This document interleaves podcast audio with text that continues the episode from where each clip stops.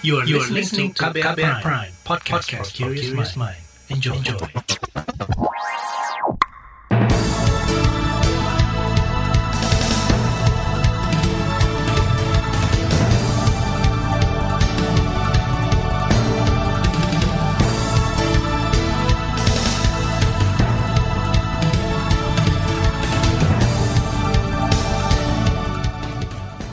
Selamat pagi saudara, jumpa lagi di program Buletin Pagi edisi Kamis 13 Januari 2022. Saya Roni Sitanggang.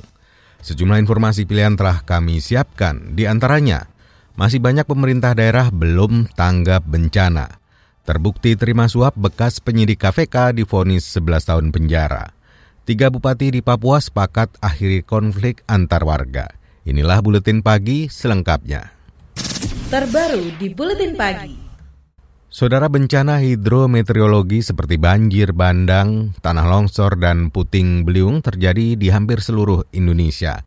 Di Jayapura, Papua, 8 warga tewas dan 8.000 jiwa mengungsi. Di Kalimantan Selatan, banjir merendam 2 ribuan rumah dan membuat ribuan warga di tiga kecamatan mengungsi. Sementara di Jember, Jawa Timur, banjir menyebabkan tiga orang meninggal dan 1.500-an jiwa terdampak. Sementara di Aceh, banjir menyebabkan 30-an tanggul sungai jebol dan 32 ribuan warga mengungsi. Kementerian Sosial menyiapkan lumbung sosial sebagai cadangan kebutuhan dasar bagi korban bencana di sejumlah daerah di Indonesia. Menteri Sosial Tri Risma hari ini mengatakan lumbung sosial ini disiapkan agar saat kondisi darurat kebutuhan korban bencana tetap terpenuhi. Lumbung sosial berisi kebutuhan makanan dan peralatan kedaruratan termasuk penjernih air. Uh, kami sudah siapkan lumbung untuk cadangan kalau terjadi sesuatu apa uh, di sini maka sudah warga sudah bisa tangani sendiri dengan uh, koordinator pemerintah daerah. Menteri Sosial Tri Risma hari ini menambahkan keberadaan lumbung sosial akan menjadikan layanan pemenuhan kebutuhan dasar atau buffer stock bisa lebih cepat karena lokasinya didekatkan kepada warga. Kemensos pun telah mengalokasikan anggaran santunan bagi korban meninggal akibat bencana. Sementara itu Badan Nasional Penanggulangan Bencana BNPB menilai masih banyak pemerintah daerah yang belum tanggap terhadap bencana. Padahal kata juru bicara BNPB Abdul Muhari, pemerintah daerah yang paling bertanggung jawab mencegah dan menangani bencana di daerahnya.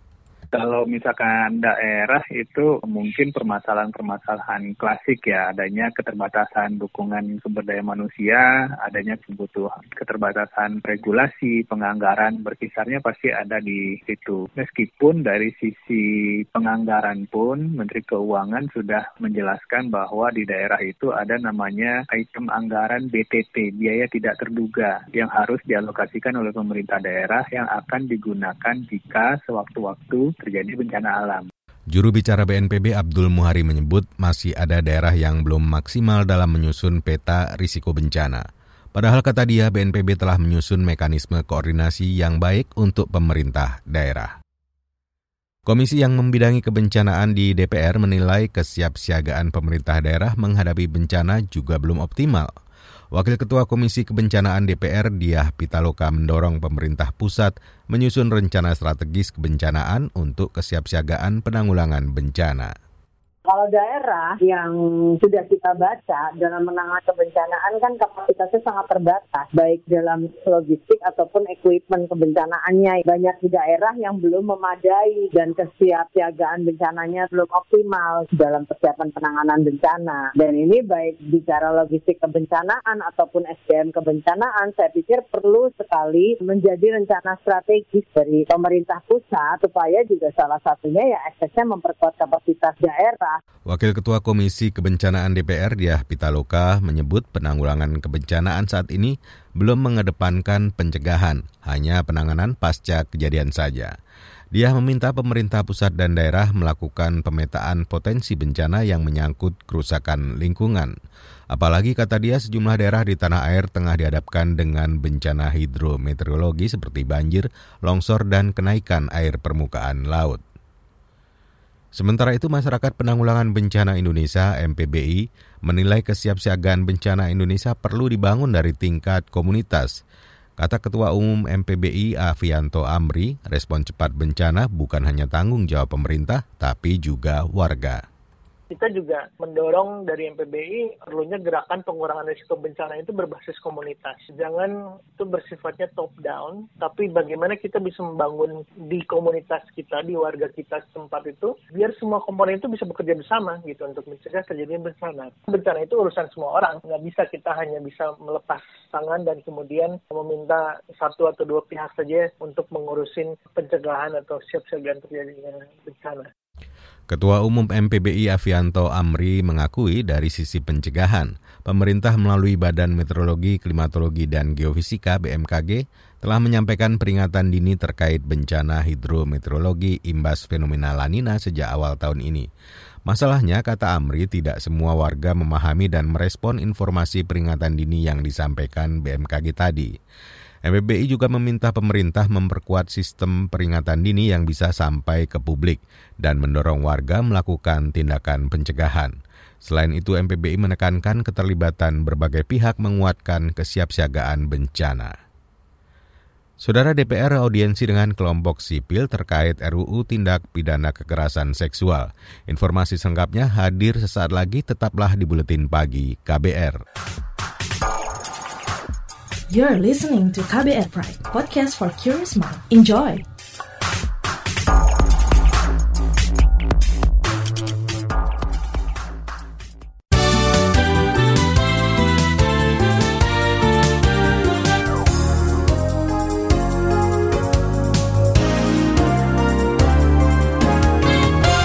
Anda sedang mendengarkan buletin pagi KBR. Pemimpin DPR beraudiensi dengan sejumlah perwakilan kelompok masyarakat, mulai aktivis perempuan hingga akademisi untuk berdialog soal rancangan undang-undang tindak pidana kekerasan seksual kemarin. Kata Ketua DPR Puan Maharani, RUU TPKS ini akan disahkan sebagai RUU inisiatif DPR pada pekan depan. Ia meminta seluruh pihak tidak emosional di tengah pembahasan RUU tersebut. Juga jangan menyerah dalam artian, kok nggak selesai-selesai sih? Ya itu, karena lebih baik selesainya itu eh, hati-hati uh, daripada terburu-buru tapi kita yang celaka.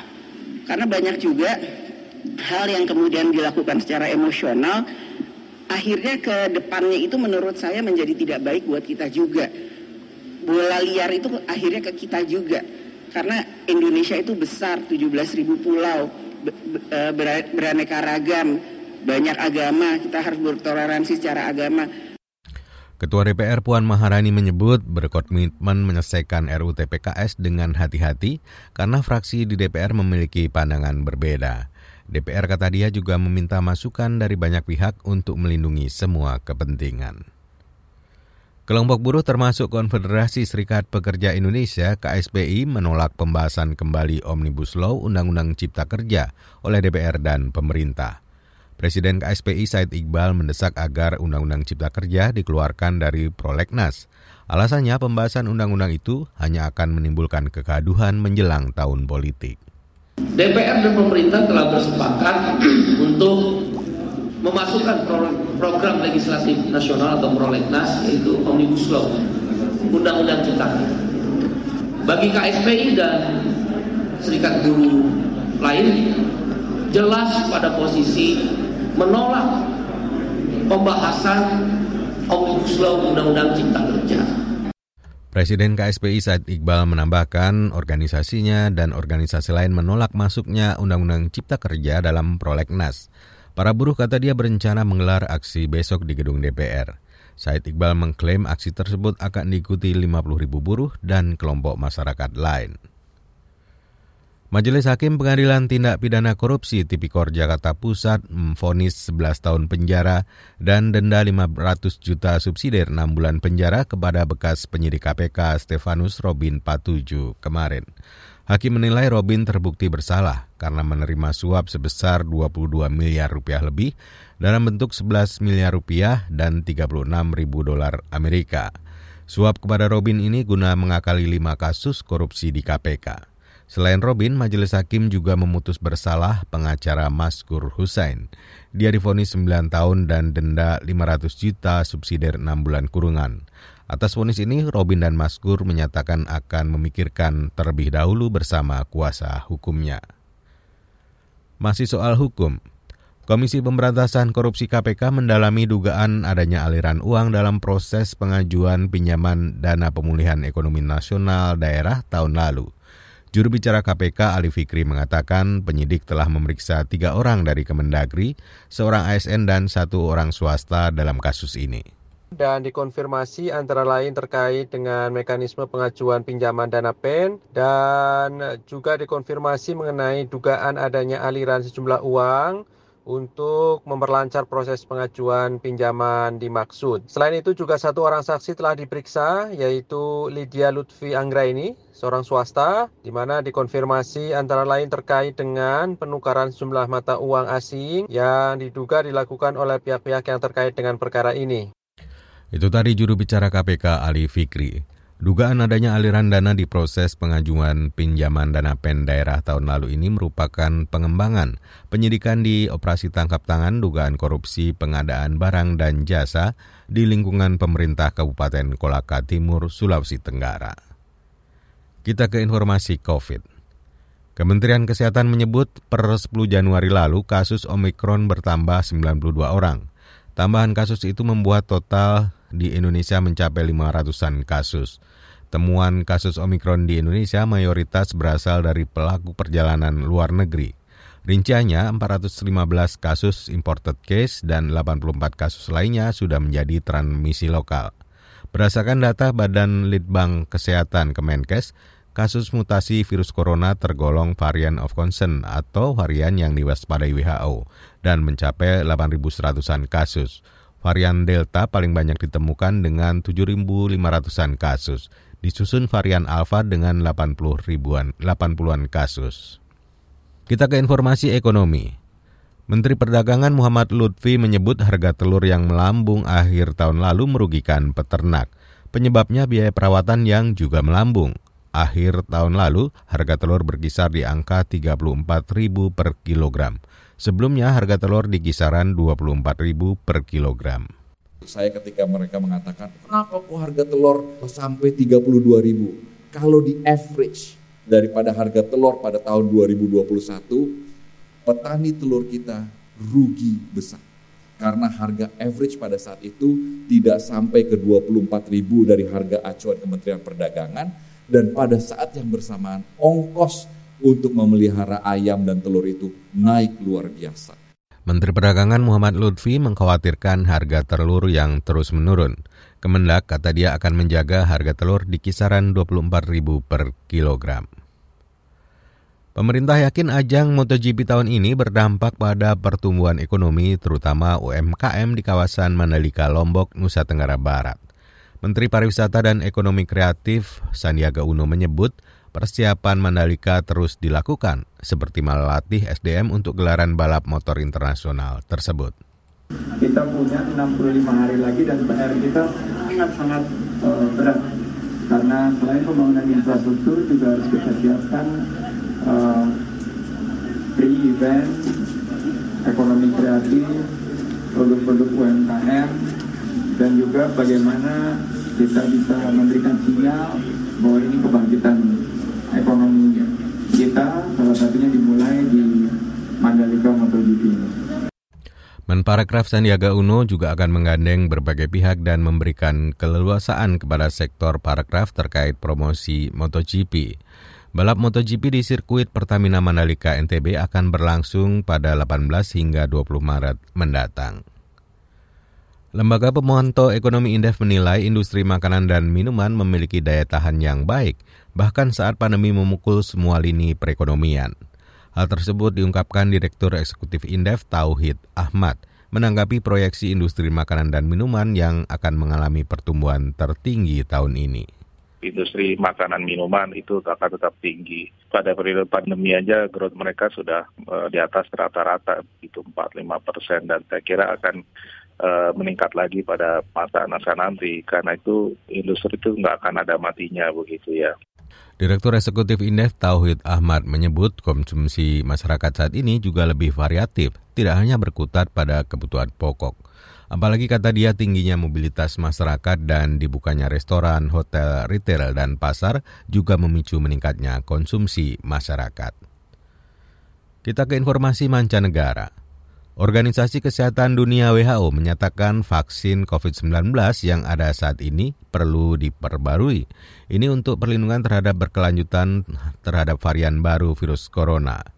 Kelompok penasihat teknis WHO tentang vaksin menyebut pembaruan juga harus didasarkan pada alur genetik dan antigen yang dekat dengan varian virus corona yang beredar. Selain itu, pembaruan vaksin COVID juga diperlukan guna mengurangi perlunya dosis penguatan atau booster berturut-turut.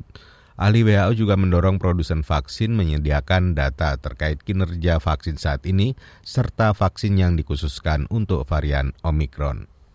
Kita beralih ke berita olahraga. Tunggal putra Indonesia Tommy Sugiharto kalah dari wakil Malaysia Ang Seyong di babak pertama India Open kemarin.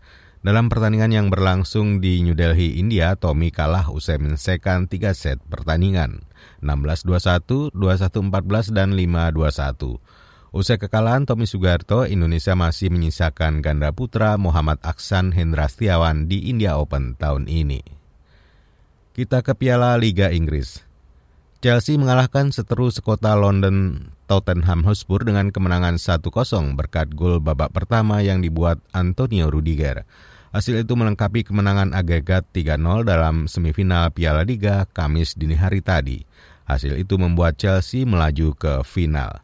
The Blues akan menghadapi Liverpool atau Arsenal dalam partai final nanti. Liverpool akan menjamu Arsenal dalam leg pertama semifinal besok dini hari. Saudara di bagian berikutnya kami hadirkan laporan khas KBR mengulas tema ketimpangan cakupan vaksinasi di daerah. Nantikan sesaat lagi. You're listening to KBR Pride, podcast for curious mind. Enjoy!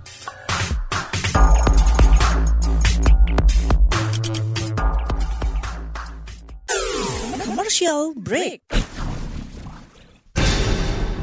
Hmm, saya heran kenapa dagangan Bu Lastri selalu laris manis ya? Jangan-jangan dia pakai penglaris nih. Ah, masa iya sih? Ah, saya samperin aja kali ya.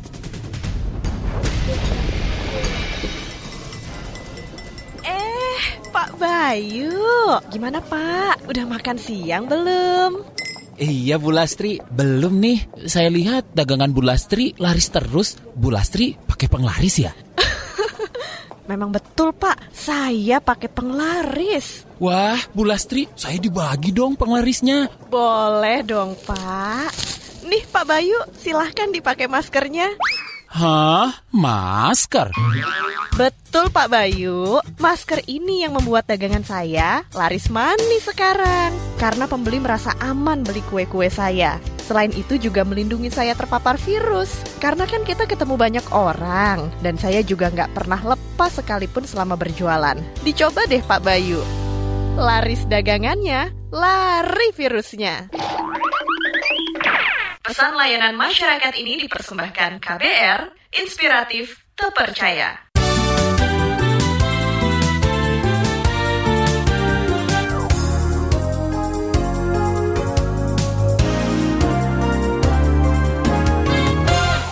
Terima kasih Anda masih bersama kami di Buletin Pagi KBR. Saya Roni Sitanggang.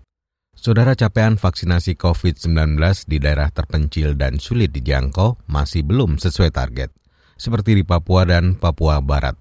Ketimpangan capaian vaksinasi itu diperkirakan akan semakin terlihat sebab pemerintah kini sudah mulai memvaksinasi booster atau penguat di daerah yang sudah memenuhi target – Lantas apa upaya pemerintah mempercepat capaian pemerataan vaksinasi nasional? Selengkapnya simak laporan khas KBR disusun Astri Yuwana. Pemerintah mengklaim terus berupaya mempercepat capaian vaksinasi COVID-19 di setiap daerah, sebab saat ini masih ada lima provinsi yang belum mencapai target vaksinasi 70 persen untuk dosis pertama. Padahal pada 13 Januari, tepat setahun Indonesia melakukan program vaksinasi. Data vaksinasi dari Kementerian Kesehatan menunjukkan capaian vaksinasi dosis pertama sudah mencapai lebih dari 82 persen, sedangkan dosis kedua baru 56 persen lebih dari total target sasaran yakni 208 juta jiwa penduduk. Menteri Kesehatan Budi Gunadi Sadikin. Dan khusus untuk vaksinasi ini sudah hampir semua provinsi mencapai 70 persen. Yang minggu lalu masuk adalah Provinsi Aceh, selamat untuk Provinsi Aceh dan Provinsi Kalimantan Barat. Tinggal ada lima provinsi lagi yang belum mencapai 70 persen suntik pertama adalah Sumatera Barat, Sulawesi Barat, Maluku, Papua Barat, dan Papua. Dari data nasional vaksinasi tersebut masih ada daerah yang capaian vaksinasi dosis pertamanya masih di bawah 50 persen, yakni Provinsi Papua. Perselasa kemarin vaksinasi dosis pertama di provinsi paling timur tersebut hanya 29 persen.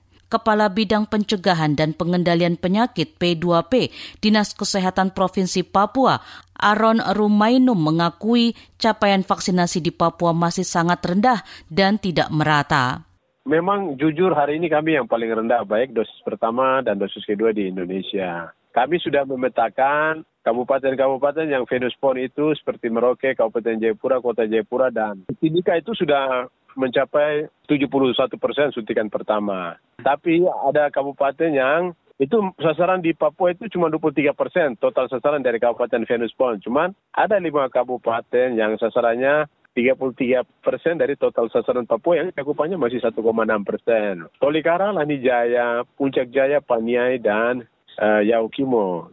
Aron menyebut vaksinasi di bumi Cendrawasih masih terkendala medan berat dan penolakan dari masyarakat. Kata dia, Dinkes Papua terus melakukan terobosan untuk mempercepat vaksinasi di seluruh kabupaten kota. Kami bekerja sama dengan Dinas Kesehatan Merauke dan Puskesmas Wan dan Puskesmas Tambonji vaksinasi orang asli Papua. Awalnya mereka takut, tapi ketika kepala distrik atau camat mau disuntik, atau kepala kampung mau disuntik, atau kepala desa mau disuntik, masyarakatnya ikut. Itu cara-cara kami. Cuman memang saya tahu bahwa cara ampuh itu kalau Bapak Gubernur kita yang dalam keadaan fisik begitu berani disuntik vaksin, percaya diri sekali, tekadnya bulat, dan disuntik vaksin Pfizer lagi, dan dia baik-baik saja. Kalau fotonya bisa dibagi, atau Gubernur bisa berbicara kepada masyarakat supaya divaksin, pasti kita akan, kita punya masyarakat pasti banyak yang mau divaksin gitu. Kondisi tak jauh berbeda juga terjadi di Kabupaten Landak, Provinsi Kalimantan Barat. Bupati Kabupaten Landak, Caroline Margaret Natasha mengatakan capaian vaksinasi dosis pertama dan kedua di sana masih jauh dari target, meski vaksinasi tingkat provinsi sudah lebih dari 70 persen. Karena itu dia meminta pemerintah pusat lebih berfokus pada pemerataan vaksin dosis lengkap sebelum pelaksanaan booster. Booster itu kan bukan sembarang booster, tentu kan harus lihat kapan dia vaksin, boosternya kapan. Baru sebulan lalu masa udah booster? Nggak usah ngomong booster, kita sekarang lagi nyisir daerah-daerah terpencil yang sulit. Kita masih fokus mencapai target vaksinasi dosis satu. Jangan sampai mengganggu ketersediaan vaksin untuk yang dosis satu dan dosis dua di daerah yang belum mencapai target. Juru bicara vaksinasi COVID-19 Kementerian Kesehatan Siti Nadia Tarmizi mengakui banyak tantangan untuk melakukan vaksinasi di daerah-daerah dengan keterbatasan secara geografis bagaimana kecepatan distribusi yang sudah kita kirimkan dari pusat itu diterima oleh provinsi. Nah, kemudian bagaimana provinsi mendistribusikan ke seluruh kabupaten kotanya. Tidak semua kabupaten kota itu misalnya ya punya penerbangan yang reguler. Artinya kalau kita mau cepat kita kirim melalui penerbangan, tapi ternyata tidak semua kabupaten kota punya penerbangan reguler ataupun juga uh, distribusi itu harus kita tempuh melalui jalan darat bahkan juga melalui jalan uh, sungai ataupun uh, laut. Nah ini yang pasti akan ada sedikit uh, tentunya tantangannya. Nadia menambahkan tantangan lain di daerah-daerah tersebut adalah jarak fasilitas pelayanan kesehatan yang cukup jauh dari tempat tinggal masyarakat, sehingga membutuhkan upaya yang lebih bagi petugas kesehatan untuk melakukan vaksinasi ke rumah-rumah warga, termasuk bagi masyarakat yang ingin datang untuk vaksin. Masalah lain ialah masih ada masyarakat yang ragu divaksin. Karena itu, butuh usaha lebih untuk mengedukasi dan meyakinkan masyarakat tentang pentingnya vaksin COVID-19. Demikian laporan khas KBR. Saya Fitri Anggreni. Informasi dari berbagai daerah akan kami hadirkan usai jeda berikut ini. You're listening to KBR Pride, podcast for curious mind. Enjoy!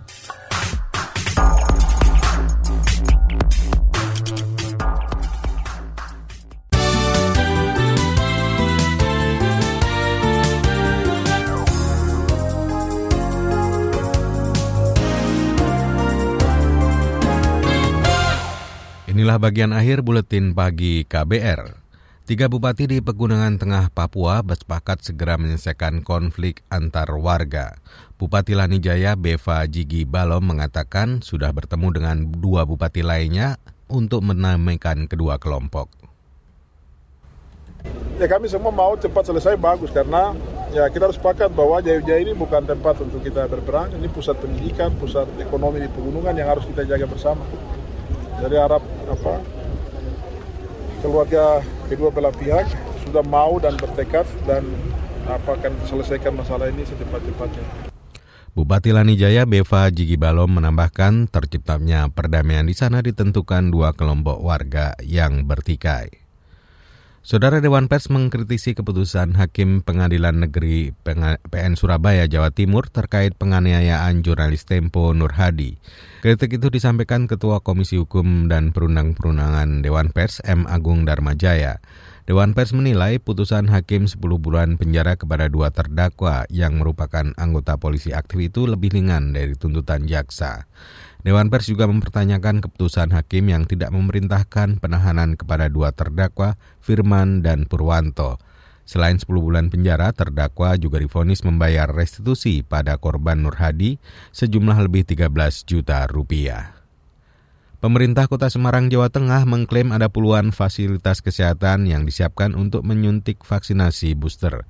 Kepala Dinas Kesehatan Kota Semarang Abdul Hakam menyebut puluhan fases itu mampu menyuntikkan vaksin sebanyak 1.000 hingga 3.000 dosis per hari.